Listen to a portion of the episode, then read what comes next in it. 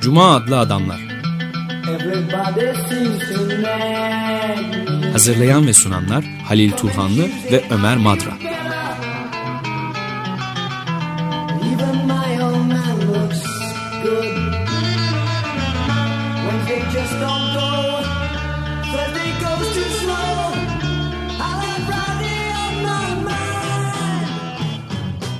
Merhaba Halil, hoş geldin. Teşekkürler. Son Cuma adlı adamlar Elma Dağ'daki stüdyolardan. Ee, Biz Son burada, canlı yayın evet. biz burada programı sunarken ya son kolilerde toplanıyor galiba. Evet. Koridorda. Bugün başladı aslında taşınma olayı bugün başladı. Üç günü sürer herhalde. Evet. Pazartesi gününden itibaren ama yeni e, Tophane'deki yeni Biraz hüzünlü. Evet hüzünlü 17 buçuk yılı geçirdiğimiz bir yer burası. Çok ayağımın alıştığı bir yerdi benim aslında. bir 17 yılda inşallah şeyde e, Tophane'de kısmet olur programda. İnşallah.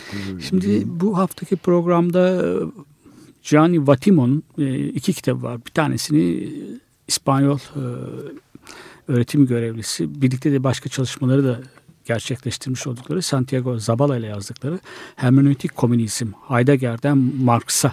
Diğeri de Şeffaf Toplum. O ikinci kitaba Şeffaf Toplum'a biraz zaman bulabilirsek değiniriz. Ama asıl e, konusu programın e, ilk kitap Hermeneutik Komünizm.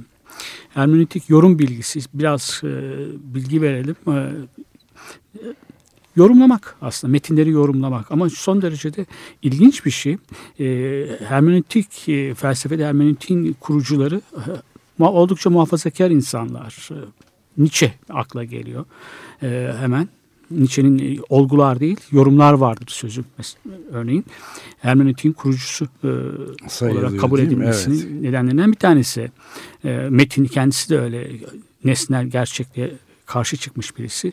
Keza Heidegger, e, Heidegger'i izleyen Gadamer. Siyasi olarak muhafazakar insanlar ama bunlardan e, Zapa, e, Vatimo ve Zapala siyaset olarak ilerici bir teori çıkarmaya çalışıyorlar ve başarıyorlar da bence. E, tabii eleştirilecek yön- yönleri de var.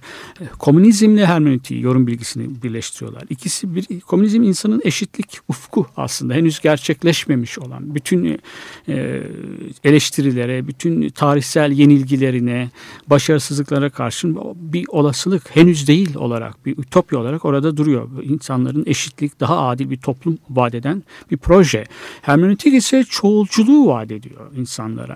E, Rorty'nin çok güzel bir sözü var.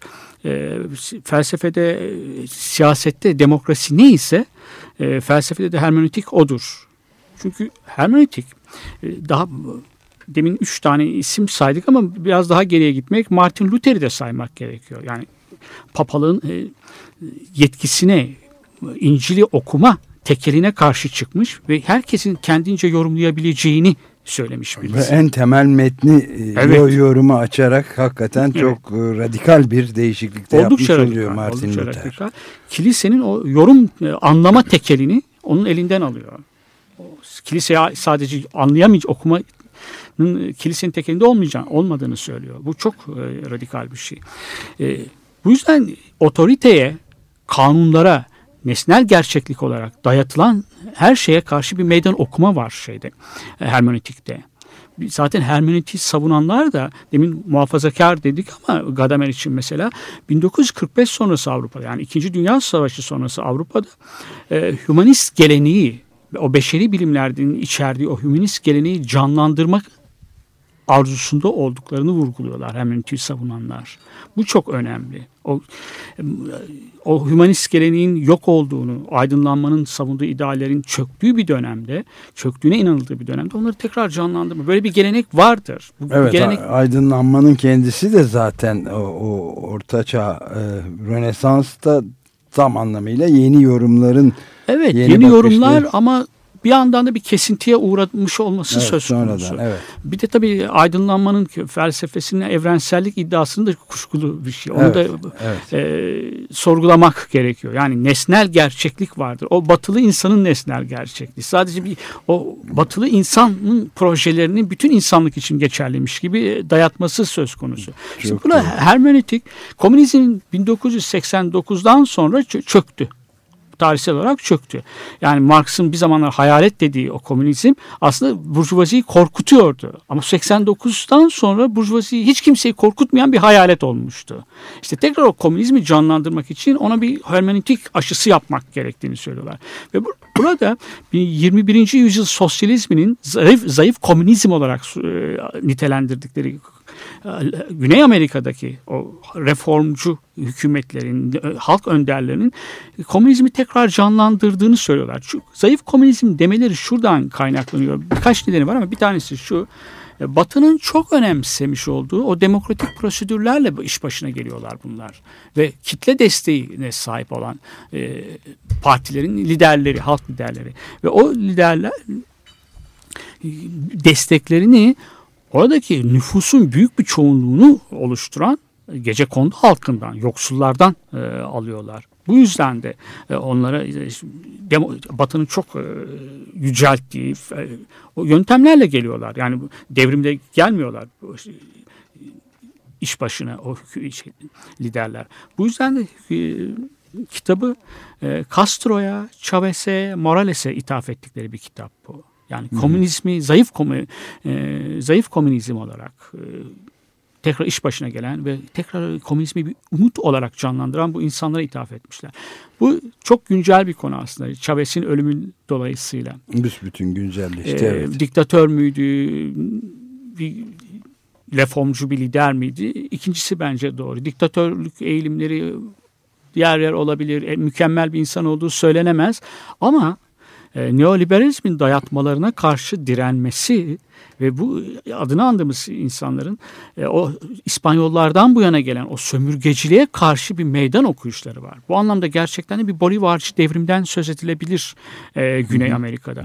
Yoksullara karşı açmış yoksulları durumunu iyileştirmek için yapmış oldukları o çabalar, yapmış oldukları reformlarda yabana atılacak şeyler değil. Yani hemen onları küçümsemek ben de çok şeydim e, darbeci bir geçmişi olmasından dolayı darbe yapmış olmasından dolayı kendisinin e, neredeyse e, bütün yaşamı boyunca başkan olarak kalması için yaptığı değişikliklere karşıydım ama e, Biraz daha düşünürse insan yoksullukla mücadele de yabana atılır bir şey değil. Yoksul insanların eğitim olanakları sağlamak, onların e, sağlık olanaklarını sağlamak, parasız sağlık olanakları, pa- parasız dan faydalanma imkanlarını, onların yollarını açmak da oldukça e, takdiri şayan bir şey aslında.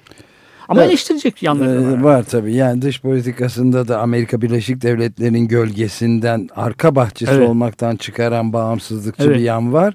Ama öte yandan da gayet e, kuvvetli otoriter hatta diktatöryel rejimlerle de işbirliği yapıyor. Libya ile Evet, evet. ondan sonra İran'la Evet. e, ve de bir ölçüde de Castro'yla şimdi- tabii. Kitabın Küba'yla. e, hermeneutik komünizmin e, e, e, yorum bilgisiyle komünizm birleştirmeleri nedenlerinden bir tanesi zaten e, bilimsel sosyalizme, bilimsel e, sosyalizm dedikleri o türe karşı çıkmak. Onun karşı çıkış nedenlerinden bir tanesi de politikayı nesnel ve gerçekçilik temelinde ele almak. Real politika yapmak. Az, az önce verdiğin örnek de gerçekten bir real politika bir bakıma.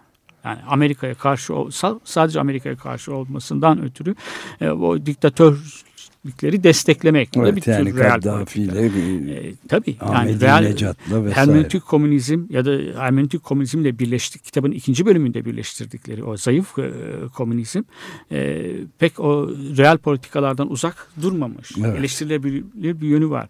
Ama e, az önce söylediğim nedenler de çok e, önemli. Yani yoksul halk halkın onurunu tekrar kendisine özgüvenini de sağladılar bir anlamda. Bu da çok önemli.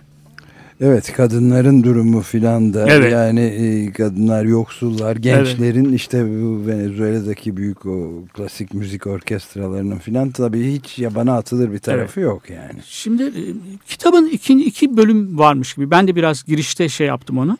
Ee, yani hermeneutik komünizmden birden 21. yüzyıl e, sosyalizmine, Bolivarcı devrimlere atlamış gibi oldum. İki ayrı bölüm var gibi geliyor. Kendileri aslında öyle e, o amaçla yazmamışlar. E, öyle bir ayrım yapmadan e, bu kitabı yazmışlar ama e, hermeneutik ko- komünizm olarak birinci bölümde tanımladıkları e, yeni komünizm biçimiyle neo-Marksist e, anlayışla 21. yüzyıl e, sosyalizmleri dedikleri o Güney Amerika'daki reformcu e, hükümetlerin e, hükümetleri biraz e, o bağı çok fazla kuramamışlar gibi geliyor okuduğunuzda.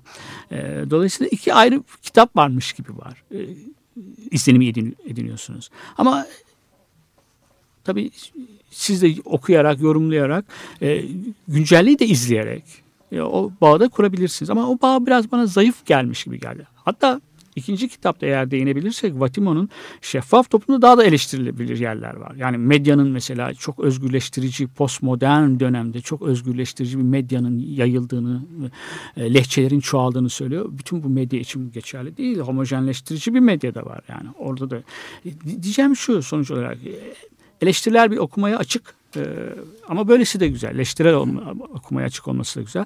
Ee, Eleştirilecek pek çok yönleri var ama ilginç saptamaları da var. Şimdi tekrar yorum bilgisiyle ilgili bir şey, birkaç şey da- daha söylemek istiyorum.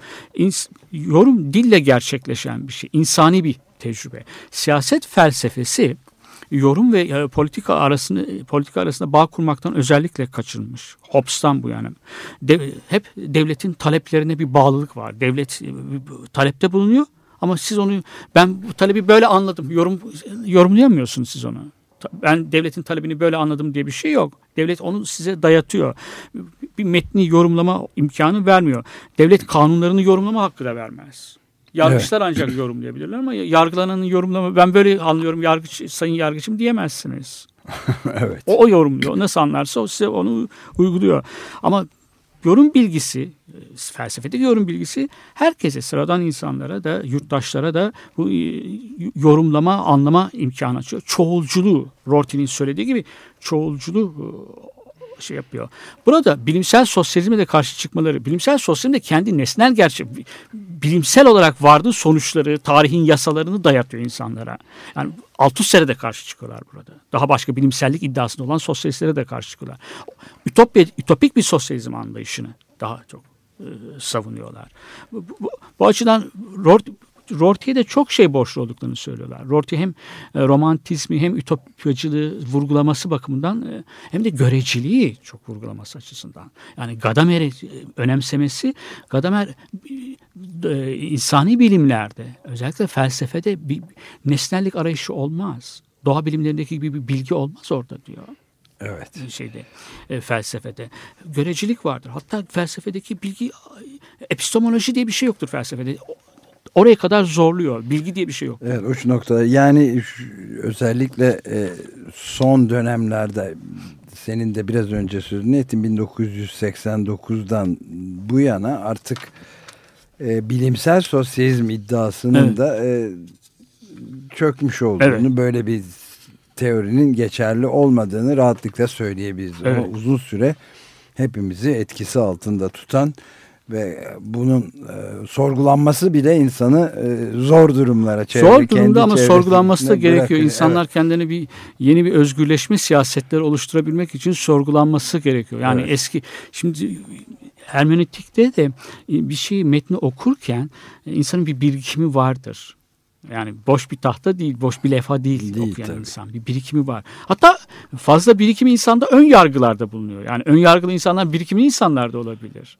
Ama onu yorumlarken hem birikiminizi gözden geçirmiş oluyorsunuz hem de ön yargılarınızdan da kurtulma bir şansı veriyor size hermeneutik yorum bilgisi.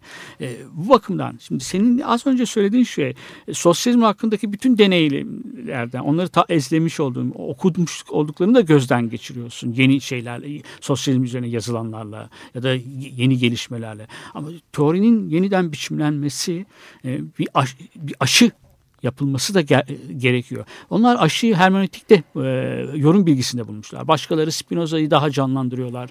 Ama teorinin canlanması gerekiyor. Yani o hayaletin biraz daha e, güç sahiplerini, egemen sınıfları biraz yine e, korku salması gerekiyor. Evet. Peki bir e, nefeslenelim ve bir müzik dinleyelim arada. Chuck Prophet'ten dinlediğimiz parça şu olacak. Pin a rose on me. Bana bir gül yakama bir gül iliştir diyebiliriz. Şimdi onu dinleyeceğiz.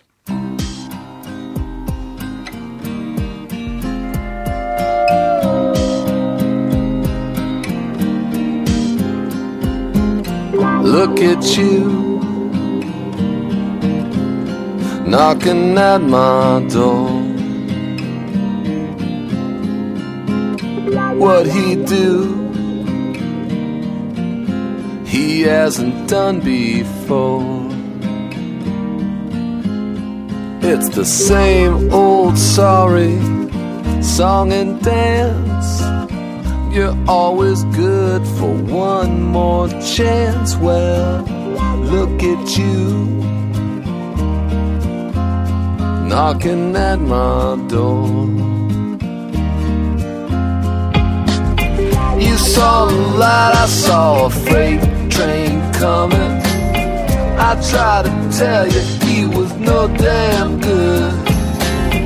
You heard bells, I heard the hammer falling. He ran you down like I said he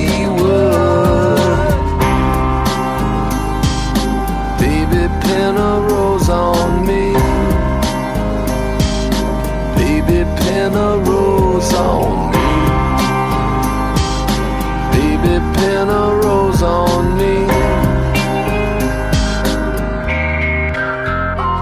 It's a heavy load.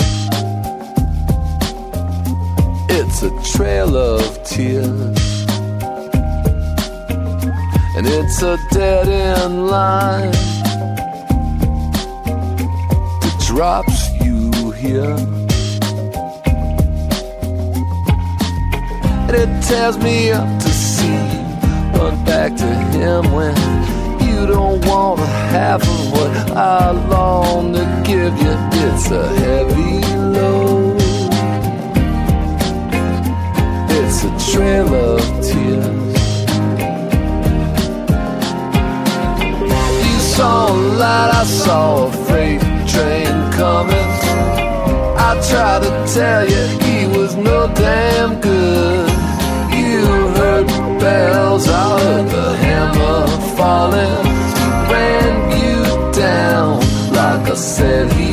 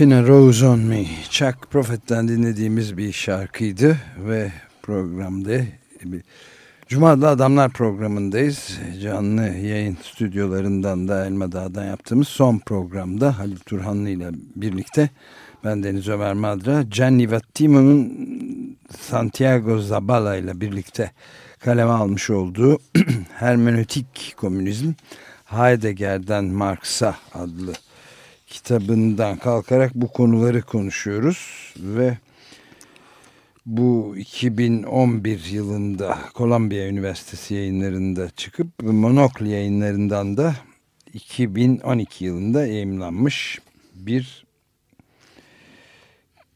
kitap e, İngilizceden çeviren de Erhan Kuçlu.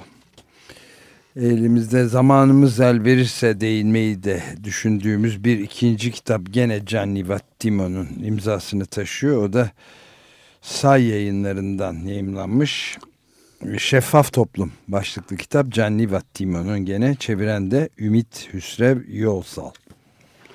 Evet demin e, az önce hermeneutiğin kurucularının e, genelde muhafazakar olduklarını söylemiştik. Muhafazakar kişiler ama hermeneutiğin kendisi e, Rorty'nin de söyle, e, vurguladığı üzere e, çoğulcula imkan tanıyan bir disiplin. E, onu, e, kurucular siyasi proje olarak geliştirmemişlerdi. Bu onların siyasi tutumlarından dolayı ötürü olabilir. İşte burada Vatimo ve Zabala'nın yaptıkları, yapmaya çalıştıkları, e, girişimde bulundukları şey e, hermeneutik ile komünizmi birleştirmek ve o 1989 sonrasında çöküşe, teorik olarak da yal, dağılmaya e, ne yapacaklarını bilme olan insanlara biraz yol göstermek.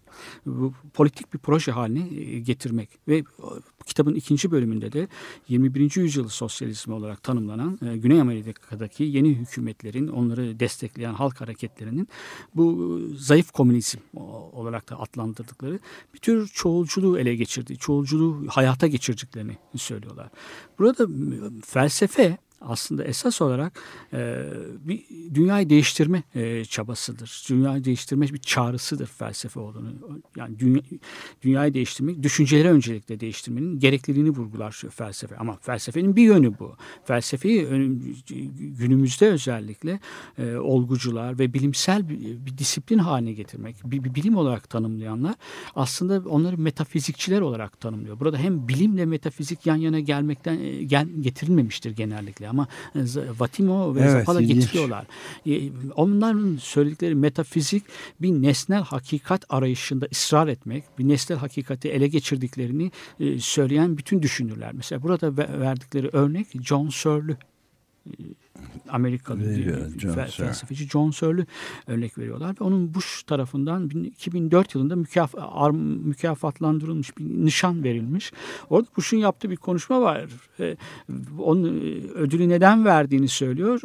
Günümüzde aklı nesnel aklı, rasyonalizmi ve bilimi te temsil ettiği için verdiğini söylüyor. Oysa bilim diyor e, Vatimo, e, bilim dedikleri şey egemen sınıfların kendi e, nesnel dedikleri, nesnel hakikat dedikleri şey e, egemen sınıfların e, neoliberal düzenin bütün e, yararlanan e, o, sınıfların kendi çıkarları, genel çıkarları olarak e, onu dayatmaya çalışıyorlar. Kendi değerlerini dayatmaya çalışıyorlar. Onların nesnel dedikleri doğruların Latin Amerika, Güney Amerika halklarının çıkarlarıyla hiçbir şey yok. E, örtüş, örtüşmüyor. Burada nesnellik iddiası aslında bir sınıfın kendi e, gerçeklerini, kendi hakikatlerini dayatması. İşte bu yüzden çoğulcula imkan veriyor ve demin Rorty'nin söylediği şeyi hem siyasi olarak demokrasiyle ama bu da çok temsili bir demokrasi de değil aslında. Rorty'nin öyle bir temsili demokrasi çok tapınan, tapınan evet. kutsallaştıran biri olmadığını da parantez içerisinde vurgulamak gerekiyor.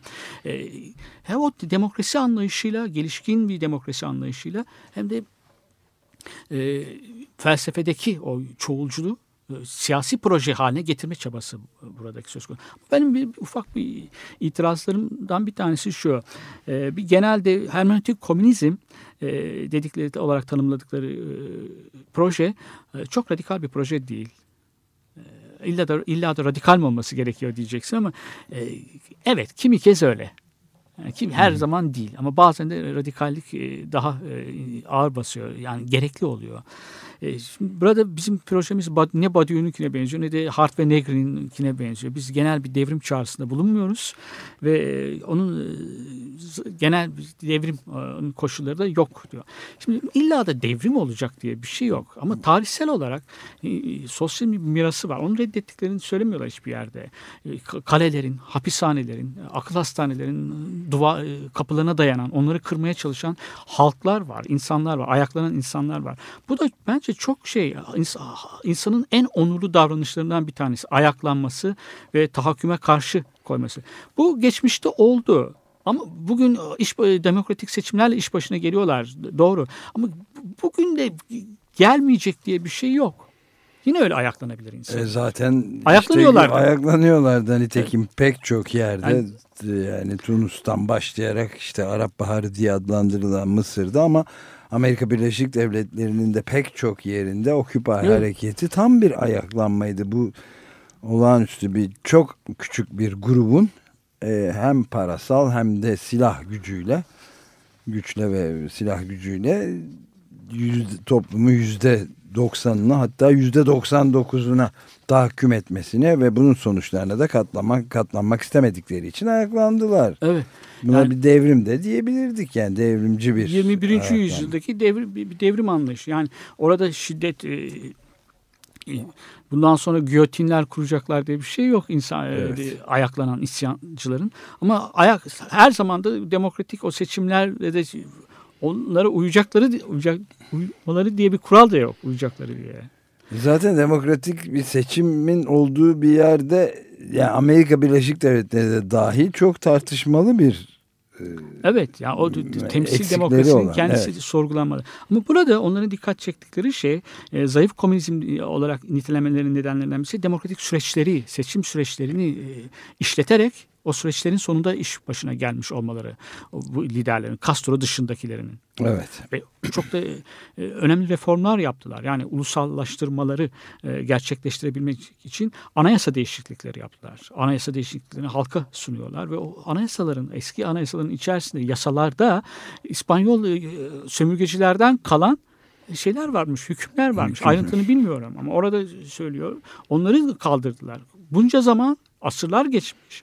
O sömürgecilerden kalan e, yasalarla yönetilmişler insanlar. Yani buna karşı koymaları e, önemli. E, Bir de şey var. E, e, demin sen söyledi- söylediğin Amerika'daki seçim sisteminden temsil demokrasi ise demokrasi yani. Noam Chomsky'nin bir sözü var. E, şimdiki Güney Amerika halklarında Amerika'dan da- demokrasiye daha saygılı ve de demokrasi konusunda daha duyarlı olduklarını görüyoruz diyor. Evet. Tabii o, o kendi liderler de içer, dönem içerisinde değişiyorlar. Mesela Castro'nun bir sözü var. Seni de çok ilgilendireceğini mutlaka biliyorsundur ve ilgilen, daha da ilgilendireceğini düşünüyorum. Ee, insan sosyalizmin hedeflerinden bir tanesi insan soylar, türler insan türü ve hayvan türleri e, tehdit altında. Onları korumak da bir sosyalizmin görevleri içerisinde diyor. Evet. 1959'da e, söyleyemezdi Castro. Ama bugün söylüyor. Daha sonraki iktidarı döneminde de söylememişti. Ama şimdi e, yaşlı Castro e, kapitalizmin ne kadar da etkili olduğunu daha fazla anlıyor belki de. Sonuçta. Evet ve bu işte Havana başta olmak üzere büyük şehirlerde de bu binaların çatılarına yapılan teras Evet. bahçeleri hareketi de tamamen bunun işte Evet. şehir normal apartman beton ormanlarının içinden biraz da zorunluluklar gıda e, üretmek zorunluluğundan gelen bir bahçecilik apartman bahçeciliği mesela çok yaygın hidroponik mi ne diyorlar böyle bahçelerde besin sorununu çözmeye çalışan önemli hareketler var. Şimdi evet bu söylediklerin gelişmeleri de dikkate almadan hemen e, Güney Amerika'dakileri hepsini diktatör olarak e, damgalamak da o neoliberalizm zaten yapanlar da neoliberalizmin e, böyle çok koyu ortodoks savunucuları Thomas Friedman gibi Evet. savunucular. Hep, hemen diktatör olmak. Onları destekleyen Avrupalı liderleri de kınamak.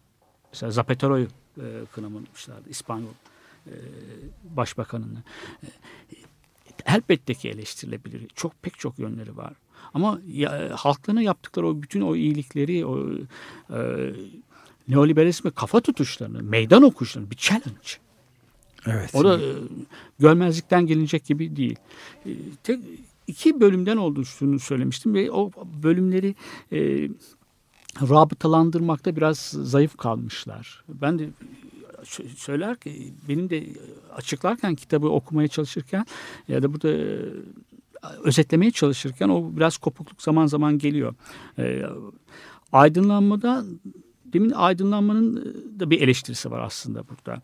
E, am, aydınlanma hep ampirik bilimlere çok önem vermişti. Hep her şeyin deneyle ortaya çıkması, deneylerin sonuçları e, ve fel sonuçta felsefe de bir noktada e, bir, böyle bir deneysel bir ampirik bilime, e, bilim e, düzeyine indirgenmeye çalışılmıştır. Bilim felsefesi yeterince felsefedir diye bir sözü var bir Amerikalı. John Searle'in değil ama onu bir başkasının.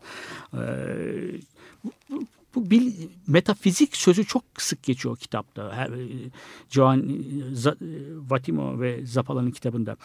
Ama metafizikten kastettikleri büyük ölçüde bu felsefeyi bilimsel kılmak, bilim felsefesi yapmaya çalışanlar. Bu yüzden hermeneutik komünizm post metafizik bir felsefenin içerisinde, siyaset felsefesinin içerisinde düşünülmesi gereken bir şey olarak sunuyorlar bize. Post metafizin içerisinde. Ee, felsefenin e, burada nesnellik arayışına e, karşı çıkarken e, kitapta birkaç kez de üzerine durdukları bir şey var. Vurguladıkları bir borcu ödemek belki de. O da Richard Rorty'nin şeyini. Richard Rorty'nin bütün ömrü o analitik felsefede etkilendiği bir dönem var. Ama ondan sonra analitik felsefeyi reddettiği bir dönem var ve gene bütün daha sonraki yaşamın sonuna kadar e, o nesnellik arayışlarını, felsefenin nesnellik iddialarını karşı çıkmış ve göreceliği savunmuş hı hı. E, birisidir. Sen bir, e, bir Rorty üzerine yaptığımız bir konu e, programda çok güzel bir şey söylemiştin. Rorty dedin, hiç aklımdan çıkmıyor. Rorty e, anlayabildiğim kadarıyla e, çok ılımlı bir söylemin içerisinde çok radikal sözler söylüyor. evet. Gerçekten öyle. Gerçekten öyle. Yani Rorty. E, göre, bunu göreceliği savunmak, bilgiyi reddetmek yani bilgi teorisini reddetmek felsefenin içerisinde oldukça e, radikal bir tavır. Başka radikal tavırları da var. Burada şey, konuyla çok ilgili olmamakla birlikte mesela Walt Whitman'ın bakış açısı felsefeyi şiirle şiir katması. Walt Whitman'ı büyük pek çok filozoftan daha e, önemsiyor filozof değil mi? Ön plana alıyor. Neden? Evet. Çünkü demokrasinin sesi şey. Yani sokaktaki çok sıradan adamın sesini duyurabildiği demokrasi. Bu siyaset seçkinlerinin yaptığı demokrasi değil burada Rorty'nin savunduğu. Hermeneutiği de ondan.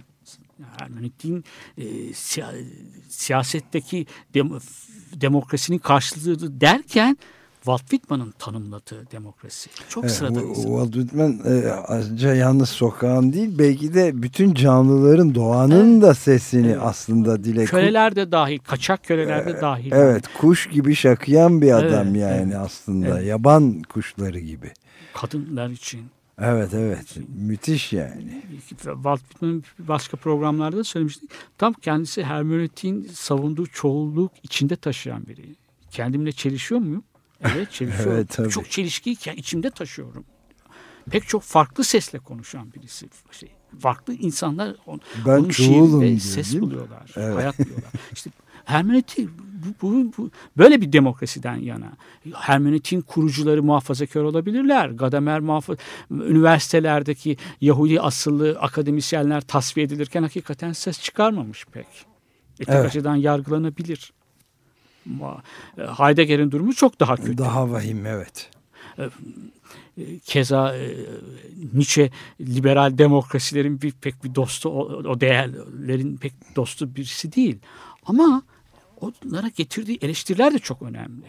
Yani olumsuzlayıcı bir felsefe var. Bilimsellik iddiasında olmayan bir felsefe. Onların felsefeyi eserlerini yazıştırdığı Hegel'inkinden farklı mesela. Şiir gibi. bölük bölük parça parça. Evet. Bir e, ara daha verelim. Ve e, David Eugene Edwards'tan Ramblin' Mind adlı parçayla devam edelim. to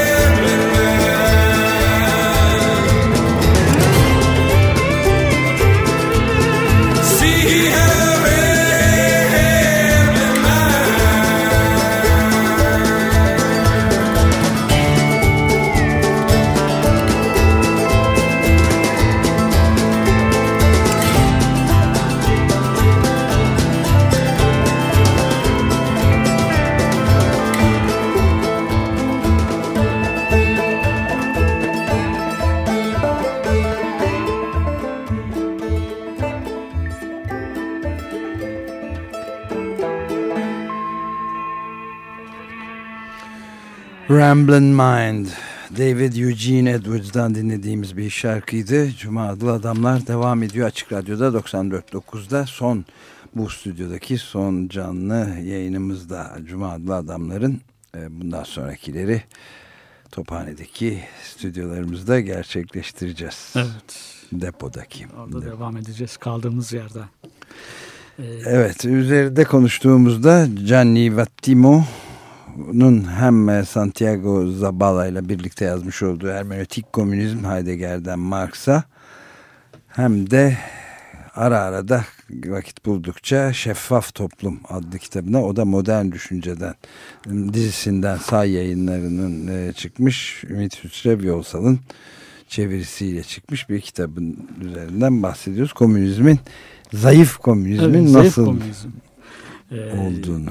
Felsefe ve felsefenin e, bilime indirgenmesi, bilim felsefesinde ısrar edilmesi, felsefenin e, nesnel hakikatler içerdiğini ve e, ardına düşüp onları bulabileceğini savunan düşünürleri de eleştiriyorlar. Burada John Searle örnek vermişler ama felsefeci olmamakla birlikte Fukuyama, Ro- Robert Kagan gibi pek çok kazananların adına konuşanlar var. Hep onlar nesnel hakikati dile getirdiklerini söylüyorlar. Ama bu e, ne Latin Amerika'daki ne Güney Amerika'daki yoksul halkların hakikati ne de dünyanın başka bir yerindeki kıyılarında yaşayanların e, tarihin ezilenlerinin konuştukları onların hayatlarıyla örtüşen onların hayatlarında hiçbir karşılığı olmayan hakikatler onlar. Sadece e, e, muzaffer olanlar e, kendi hakikatlerinde da, kendi paradigmalarında dayatıyorlar. Bu e, da, Batimo'nun da andığı Benjamin'in tarih tezlerinden bir tanesidir. E, muzaffer olanlar barbarlıklarla doludur. Ganimetleriyle geçerler geçit töreninden ve kendi hakikatlerini de bir paradigma olarak e, haline getirir ve dayatırlar. Yaptıkları da bu. İşte hermeneutik e, komünizm bu dayatmaları bu nesnellik iddialarını parçalayacak, parçalama imkanı verecek bir e, proje. Bunu e, zayıflamış olan ya da etkisini geçer e, yitirmiş olan komünizmle birleştirerek tekrar komünizmi canlandırmaya ve yoksul halkların e, mücadelelerinde, ideolojik mücadelelerinde onların eline bir silah olarak bir, e, getirebilecekleri bir teori oluşturuyor. Evet belki bu anlamda şeyi de bir ufacık parantezle buraya eklemlendirmek, eklemek mümkün olabilir. Yani özellikle Kuzey Amerika'da özellikle de Kanada'da son e, zamanlarda ortaya çıkan bu yerli hareketlerinin kendilerini üstelik de biraz önce konuştuğumuz şekilde böyle müzikle, dansla ve dünyanın en acayip ortamlarında alışveriş merkezlerinin ortasında round dance dedikleri Değil işte mi? atalarından kalma kendilerini ifade ediş tarzını ortaya koydukları ve birbirleriyle insanların birbirleriyle doğayla yeniden bir ilişki kurma yolundaki büyük bir isyanları görüyoruz. Ve bunu e, işte tam da burada kitapta da e, Vattimo ile Zabala'nın da üzerinde durdukları gibi yani tarihi tamamen kaybedenlerin yüzüstü bırakıldığı post metafizik çağda diyorlar işte. Yani sadece zayıf düşünce e, gerçekliğin işte o rizomatik kök sapsal denilen dokusuna karşı dikkatli bir düşünce yani onlar da bütün kendilerine kaybettirilmiş olan kültürü, dili 100, 200 yıldır belki 400 yıldan beri beyaz insanın, beyaz adamın hatta Tabii. E, toprağı da insanı da e, sömüren baskın Yani şeyine kültürlerini de yok ediyor. Yani Evet kültürlerini. ve ama ayakta tutup e, temel değerlerine bir kez daha her şey kaybolmadan dönme çabası da var. Çok ilginç yani. Evet yani o halklar kendilerine olan e, güvenlerini, özgüvenlerini kazandılar. Tekrar Evet. tarih sahnesine e, çıkıyorlar. Bu Kızılderililer için de belki de yani Kuzey Amerika yerlileri içinse ilk kez Evet. belki de oluyor. Ta o Aslında soykırımdan bu yana. Var. e, Knee falan unutmamak lazım. İşte o, o, o tarihten sonra. Evet, işte, evet. evet. Yani devam eden mücadeleler var ama e, 21. yüzyılın e, erken 21. yüzyıl diyelim istersen daha ilk 15 e, ya da çeyreğini e, 25'ini tamamlamadık. E, ilk çeyreğindeki mücadelelerde o yerli halklar öne çıkıyorlar hakikaten. Evet. Yani onlar Yani bunlar La- Orta Amerika'da, Latin Amerika'da, Güney Amerika'da da öyle çıkmaya başladılar. doğru. Çok önemli bir şey bu. Bir şey daha var. Şimdi Vatimo'nun gözden kaçırdığı, Vatimo ve Zapala'nın gözden kaçırdıkları bir şey var. E, yerli halklar onları iktidara taşıyan yoksullar oy veriyorlar ama onlarla da birebir örtüşmüş değiller o liderlerle. Onlara karşı Çok doğru bu. Çok onlara önemli. bir karşı eleşi, tavırları eleştirel. Brezilya'da örneğin çok mesela.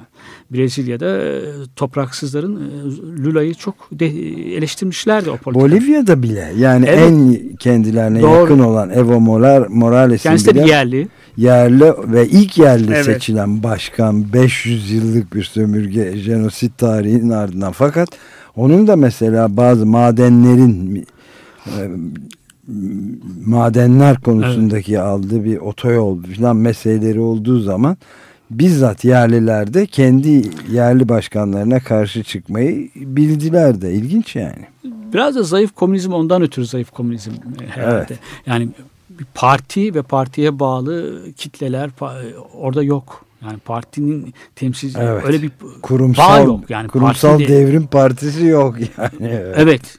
Meksika'daki gibi. Meksika'daki gibi. partiyle şeyler arasındaki o toplumsal hareketler arasında bir bağ yok. O yüzden de eleştiriyorlar sistemi. Ve bu eleştiri Negri ve birkaç hafta önce ele aldığımız o duyuruda e, 2008'den bu yana e, ikinci bir dalgası e, yükselen o protestoların isyanları Latin Amerika'daki ele alırken e, Hart ve Negri buna dikkat çekiyorlardı. Yani iktidarı taşıyorlar ama e, destekleri de koşulsuz değil diyordu diyorlardı. Çok doğru. Evet. E, böyle bir şey var ama bir şey bir şey daha e, bir noktaya da dikkat çekmişlerdi. Bu ulusallaştırma e, petrolü, diğer kaynakları ulusallaştırmaları da çözüm değil. Onların halklaştırmaları, halka verilmeleri gerekiyor diyorlardı. Bu sosyal demokrat partilerin de gerçekleştirmiş olup olmadıkları bir yana onların programlarında vardı ulusallaştırma. Evet. Sonunda devlete ait olan bir şey oluyor. Evet yani Chavez'i de e, bütün yaptıkları pozitif yerliler için Evet. özellikle e, yani e, yaptıklarına rağmen de eleştiren ve ona karşı çıkan yerli halkın şeyi de var unutulmamalı. Bu çok ilginç bir nokta, önemli bir nokta. Yani yani. ona oraya pa- ona parmak basmamışlar. Onu es Evet. geçmişler. O görmemişler. Ama dediğin gibi Hart ve Negri'nin o vurguladıkları bir e, yer bu. Evet. Şimdi burada zaten e, su- 2000 1989'dan sonra artık sosyalizmin iktidara gelirse de e, sosyalist eğilimli hükümetler kurulursa da bunun Sovyet modeli gibi bir şey olamayacağını, o programlarla al- alakasının olamayacağı zaten anlaşılmıştı. Allah'tan. Evet. E, Ama e, zaten şey de söylüyordu. Bir programda da o komünist iddiada Badiou'da orada bir devlet var. Komünizme geçeceğini söyleyen bir devlet ama orada kalıcı olan bir sosyalist devlet. Devletin Ola- sosyalisti. ola- ve olanca ağırlığıyla lök gibi e. Sosyalist başında sosyalist sıfatı olsa da ne fark etmiyor aslında. Evet. Evet. Sonuçta devlet iktidarı çok önemli. Yani o iktidar her zaman kendisini e, iktidara taşıyan kitlelere de karşı dönüşebiliyor. Burada o, o tehlikesi var. E, öyle bir şey olamayacağını e, ortaya çıkmıştı. Burada e, hermenötiğin içine dahil etmek istedikleri başka düşünürler de var. Tam mesela Der- Derrida'nın yapı sökümcülüğü hermenötiğin içerisinde midir e, tartışılır. Dar anlamda hermenötiğin içerisinde olmayabilir ama o da çok e, metinleri çok farklı okumak, onları sökmek, o ikili Batı felsefesindeki o hiyerarşi kuran ikili yapıları e, ortadan kaldırmayı amaçlıyordu. Burada felsefenin e, kıyıları kavramının da fe- toplumun kıy- kıyısındaki insanlarla arasında bir koşutluk kuruyorlar. Yani bu felsefe, hermenötik, ya- yapı sökümde onun içerisinde olmak üzere toplumun zayıf olanlarını, en yoksul kesimlerini koruyucu bir felsefenin Kanatları kurucularından Evet, olabilir. evet, kurucusu olabilecek, kurucu ögesi olabileceğini, dünya nüfusunun çok daha dörtte e, üçünden fazlasını oluşturan zayıfları çok yoksulları içine alabilecek, onların durumunu iyileştirebilecek e, bir felsefe olabilir. Bunun e, Walter Benjamin'in ezilenlerin geleneği dediğini, işte Derrida'nın felsefenin kıyıları dediklerini, bütün bunların hermenötiğin içerisinde ondan e, görüyorlar. Burada hermenötiğin e, tıpkı metafiziği farklı tanımlamaları gibi hermenötiğin de biraz genişletmiş olduklarını görüyoruz ikisinin. E, hermenötik muhafazakar politik bir e, kurum değil tam aksine e, çoğulcu dediğimiz gibi baştan beri ifade etmeye çalıştığımız gibi e, ve farklı seslere imkan veren bir düşünce ama kurucuları Heidegger liberalizme, demokrasiye ve komünizme karşıydı. Felse- Batı liberalizmiyle komünizmi ikisini birlikte ortak düşman olarak gören birisiydi Heidegger. Ama Heidegger varlığı ortada tekrar çıkarmıştır. Yani var, insanı varlık olarak ortaya çıkan. Bu bakımdan önemli. Bu onun felsefesinden, onun düşüncelerinden e, bir böyle bir okumaya e, imkan tanıdığını söylüyorlar ikisi e, Vatimo ve Zapala. Bütün burada savundukları şey benim bir itirazım daha var burada. E, Platon ve onu takip edenler hep felsefede hakikati bulması bulmak isteyenler e, e, ezenler e, egemenler adına savun konuşmuşlardır derken karşı kıyıda Popper'i göstermişler. Ben biraz Popper'den fazlasıyla e, geri çekilen, Popper adını duyduğumda geri çekilen birisiyim. E, Soğuk Savaş döneminde ha, Hannah Arendt de dahil hepsi o totaliter e, kavra, sözcüğünü kullananlar, eleştirenler, anti-ütopyacı olanlar soğuk savaş ideologları olarak düş, e, e, ödüllendirmişlerdir. Öyle düşünülmüşlerdir. Ama Ha- Hannah Arendt bunu hiç kesinlikle hak etmemiş biri. Fakat beri yanda aynı şeyi Popper için söylemek mümkün değil gibi geliyor bana. Bu yüzden de Popper'i böyle, böylesine bir projenin içerisinde almaları biraz benim itirazlarımdan bir tanesi buraya. İkincisi o demin söylediğim e, genel bir ayaklanmanın olmaması dediği daha başka itirazlar da olabilir. O e, tıpkı hareketler, onları iktidara taşıyan halk hareketlerinin e, çok destekliyormuş gibi, hiç eleştirileri yokmuş gibi e, görmek ve oradaki liderleri biraz evet yoksullarla mücadele etmişlerdir ama onları da çok da yüceltmek, o eleştiriyi geri çekmek, eleştiriden feragat etmek de kitabın zayıf yerleri onlarda bence. Burada söyledikleri bir şey var. E, Popper'in politikadaki haka, e, hakikat nosyonuna saldırısı Heidegger'inkinden farklı değil e, diyorlar. Bu biraz e, çok şey değil. Yeni Heidegger'cilerin e, özellikle Fransa'daki Heidegger'cilerin e, yeniden okuyanların bunu pek kabul edebilecekleri bir şey değil. Ha, Marcuse'de Heidegger'ci bir şey var. Ama Marcuse'nin teorisiyle Popper'inki taban tabana zıt bir şey. Yani e, böyle bir Heidegger, Heidegger'le Popper'i bir yan yana koymaları, birbirinin devam et, bir devamı olarak görmeleri benim itirazlarımdan bir tanesi. E, e, işte orada karşı çıktıkları şeyler evet Platon'a karşı çıkıyordu doğruydu ama Heidegger'in Popper'in pardon Hegel eleştirisi de çok doğru değil. Şimdi Hegel de çok bütünüyle baştan aşağı bütün felsefi düşüncesi boyunca yabana bir yana atılacak otoriter Prusya devletinin kurucusu, savunucusu değil. Yani onun da çok şeyleri var. Eleştirel yönleri var. Hala şeyde eleştirel bir düşüncede düzeni olumsuzlayıcı, yıkıcı bir düşüncede Hegel'in de ben o özgürlükçü sol bir düşüncede. Hegel'in de bir yeri olduğunu düşünenlerdenim. Evet yani her ne kadar işte tepe taklak ettiğini söylese de Karl Marx'ın da kendisinin evet, de gayet derinlemesine hatta etkilendiği bir e, düşünür olduğunu söyleyebiliriz. 1844 el yazmaların Hegelci bir okumadır. Evet, evet, Hegel'in evet. etkileri var ama o Hegelci etkisinde olduğu için de biraz e, e, yani ilerici bir şey, önün üzerinde sahiplenilmesi gereken bir metin.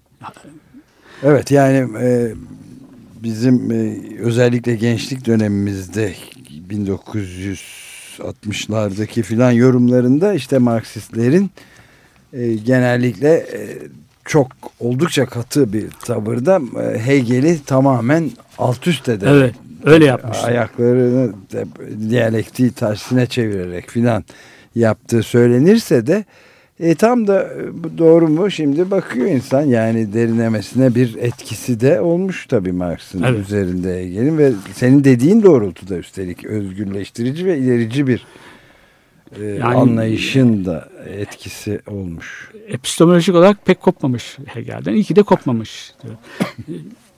Vaktimiz çok az şeffaf toplumla ilgili bir şey daha. Orada da bir eleştiri var. E, eleştirim olacak. E, haddimi aşarak biraz vaktimi öyle söyleyeceğim ama e, orada medyanın postmodern çağda medyanın çoğaldığını, lehçelere olanak verdiğini şöyle çok herkesin kendi sesini duyurabilecek bir e, ortam oluşturduğunu söylüyor. Bu da pek doğru değil aslında. Her türlü medya e, insanlara e, seslerini duyurma imkanı vermiyor. Tam aksine bir eğilim de var.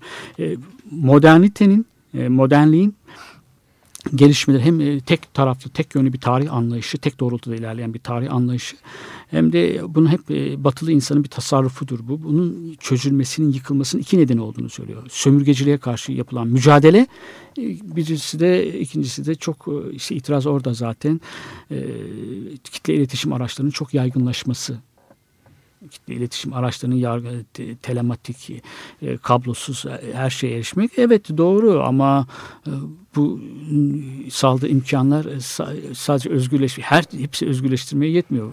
Bu çok son derece e, önemli ve güncel bir noktaya değindin. E, yani bunu başka bir evet. dönemde tekrar tartışmalıyız. Özellikle biz geçenlerde bunu Açık Gazete programı içinde de dile getirdik. Bu e, yani internetin insanlığa getirdiği çok büyük bir özgürleştirici medya olarak evet. da haber e, paylaşımı, bilgi paylaşımı açısından müthiş bir avantaj getirdiği ve özgürleştirici bir alan açtığı sözleri var.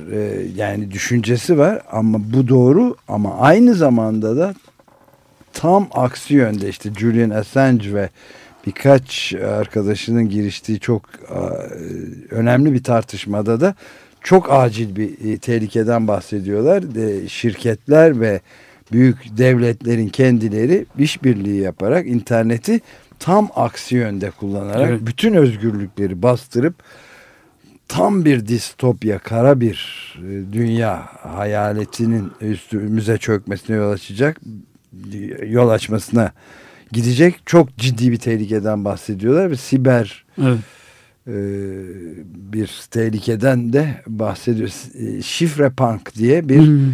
kitap, e, bir tartışma yayınlandı Metis yayınlarında Assange ve birkaç kişinin çok e, önemli bir tartışma konusu işte bu şeffaf toplumun tam tersine e, gidişte var. Şimdi, evet postmodern dönemde büyük anlatıların yıkıldığı dönemde biraz postmodern imserlik var e, Vatimo'da. E, kitle iletişim araçlarının e, internet de dahil e, ki o en e, son Evet, aşamayı ifade ediyor. E, toplumu şeffaflaştırdıklarını söylemiyor. Tam aksine bir kaos ortamı yarattıklarını, kaotik bir durum yarattıklarını söylüyor. Ama bu kaos e, çok seslikten kaynaklanan bir kaos olduğunu ve bunun da daha özgürleşme imkanı tanındığını söylüyor. Bu kadar e, çok seslilik var mı? Soru o zaten. Yani çok e, seslilik ama alternatif iletişim araçları kaotik bir ortam yaratıyorlar deseydi ona katılacaktım. Yani radyolar, o mikro radyolar küçük etkileri ama güçleri fazla. E, 1970'lerdeki İtalya'da ve hala devam eden Evet. e, radyoculuk, alternatif yayınlar, e, alternatif televizyonlar. E, bunlar bunları vur- üzerine bir vurgu yapsaydı ona katılabilirdik ama hepsini o e, ayrım yapmaksızın bütün kitle iletişim araçlarının yaygınlaşması e, bu böyle çok genel bir ifadeyle e, kaostik bir ortam yarattıklarını bu kaostan da özgürleşme e, imkanının yaratacağını söylemesi biraz e, e, eleştiriye açık olduğunu ben düşünüyorum. E, yani modernitenin e, gerçeklik duygusunu aşındırdığını söylüyor ama onun yerine galiba kendi postmodern gerçeklik duygusunu aşılıyor Evet. kitle iletişim araçları. Evet galiba süreyi de doldurmak üzereyiz. Peki burada e, bitirirken son bir müzik parçası olarak Steve Wynn'den If Music to Could Talk yani müziğin müzik dile gelebilseydi anlamına gelebilecek bir şarkı var. Onu dinleyerek de bitirebiliriz. Hepinize günaydın.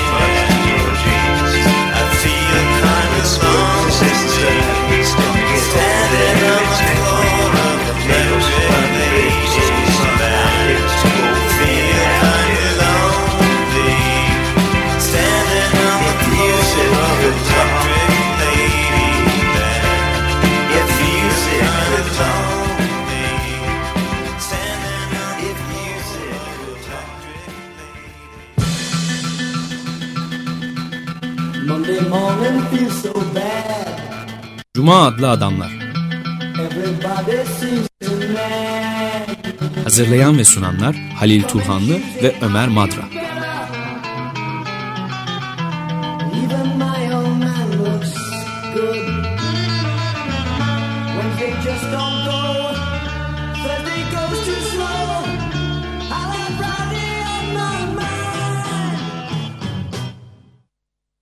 Açık Radyo program destekçisi olun. Bir veya daha fazla programa destek olmak için 212 alan koduyla 343 41 41